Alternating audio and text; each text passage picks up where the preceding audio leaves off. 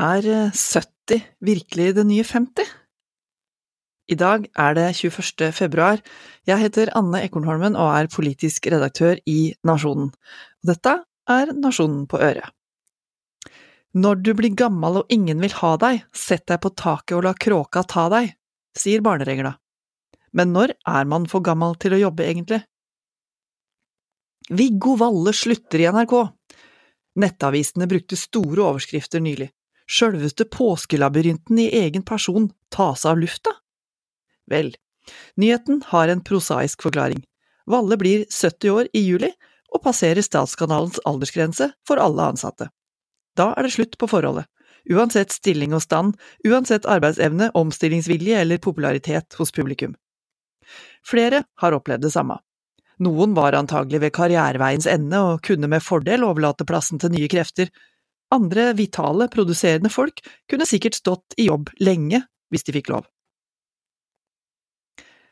Når du blir gammel og ingen vil ha deg, sett deg på taket og la kråka ta deg, sier regla, og sånn kan det føles å bli støtt ut av det gode selskap, nedgradert, vraka, stempla som ferdig. Journalist og sportsanker Karen Marie Ellefsen var tydelig da hun ble 70 og måtte gå av høsten 2020. Regjeringas mål er at vi skal stå lenge i jobb, og da er det ikke så greit når bedriftene ikke vil ansette eldre folk, det opprører meg, sa Ellefsen til nettstedet vi.no. Og det henger jo ikke helt på greip. Arbeids- og inkluderingsminister Tonje Brenna fra Arbeiderpartiet og regjeringa vil utvide den generelle pensjonsalderen. Velferdsstaten trenger arbeidskraft. Bedriftene roper jo etter kompetanse, sliter med å rekruttere og lokker med bonuser. Vi blir stadig flere eldre, det betyr at vi er friskere og lever lenger. Men det betyr også at jeg må jobbe lenger enn mine foreldre, og mine barn må jobbe lenger enn meg, sa Brenna til E24 i fjor høst. Det har hun rett i. I en aldrende befolkning er det færre yrkesaktive som bidrar til å finansiere velferdsgodene. Færre som spytter skatt inn i fellesskapskassa. Samtidig blir stadig flere avhengig av nettopp velferdstjenestene. Samfunnet har da to reserver å ta av.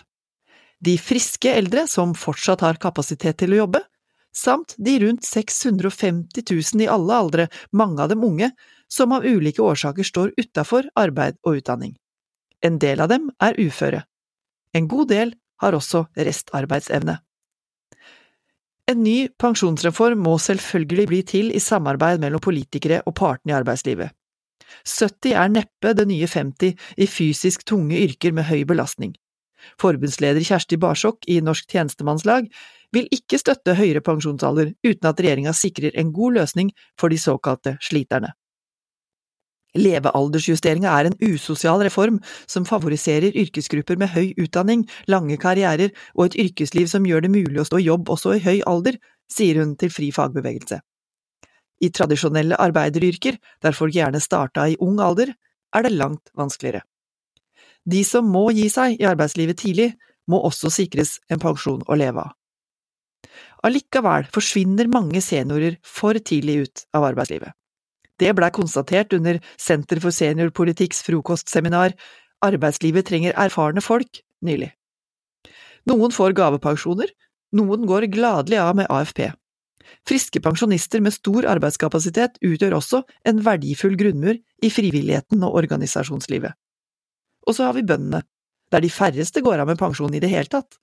Jordbruksnæringas utfordring er å sikre at kunnskap ikke går tapt, men overføres til nye generasjoner. Stadig flere kollegaer å støtte seg på for råd og veiledning gjør nettverket mellom bøndene mer sårbart. Utdanningene i næringa kompenserer så klart for noe, men kan aldri fullt ut erstatte erfaringsbasert kompetanse knytta til helt lokale særegenheter og forhold som må videreføres til nye drivere for å få maksimalt ut av produksjon og drift. Samtidig som Brenna og regjeringa jobber for et bredt pensjonsforlik på Stortinget, er det paradoksalt at arbeidsmarkedet blir vanskeligere for den som tror at hun er ung, men av bedriftsledere og næringsliv oppfattes som på vei ut. Ifølge SSB tar det dobbelt så lang tid å få ny jobb når du er over 55 år, sammenligna med yngre, yngre arbeidssøkere. Blant dem som mister jobben når de er i 50-åra, er 60% fortsatt arbeidsledig etter tre år, viste en rapport fra Anne Grete Solberg ved Oslo Met i fjor. Det problemet finnes ikke i USA, der Joe Biden vil være 86 år ved utgangen av neste periode hvis han blir gjenvalgt som president. Donald Trump er bare fire år yngre. Det er neppe dit Tonje Brenna sikter med sin utvida pensjonsalder. Men skal Norge kunne finansiere velferdsstaten og levere de tjenestene innbyggerne forventer, altså hvis 70 virkelig er det nye 50, så kreves det en kraftig omstilling i mange bransjer, og ikke minst en holdningsendring til alder i hele arbeidslivet. Dette var dagens Nasjonen på øret.